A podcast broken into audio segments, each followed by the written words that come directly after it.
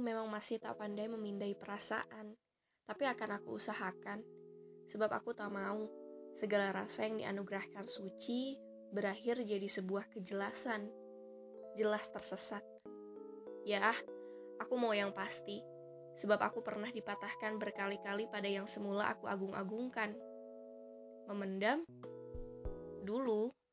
Tapi sekarang malah jadi kayak yang, kok dulu aku gitu banget ya? Tapi yang paling penting dan terfikir, aku nggak mau melewatkan untuk ucap rasa terima kasih. Ya, terima kasih telah dipatahkan lebih awal. Terima kasih atas semua pelajaran yang akhirnya membawaku pada pemahaman bahwa itu tak sesuai aturan. Terima kasih ya, karena telah menghantarkanku pada perjalanan menemukan obat yang akhirnya bisa menyembuhkan. Kalau kata temanku, terima kasih karena telah buat patah hati.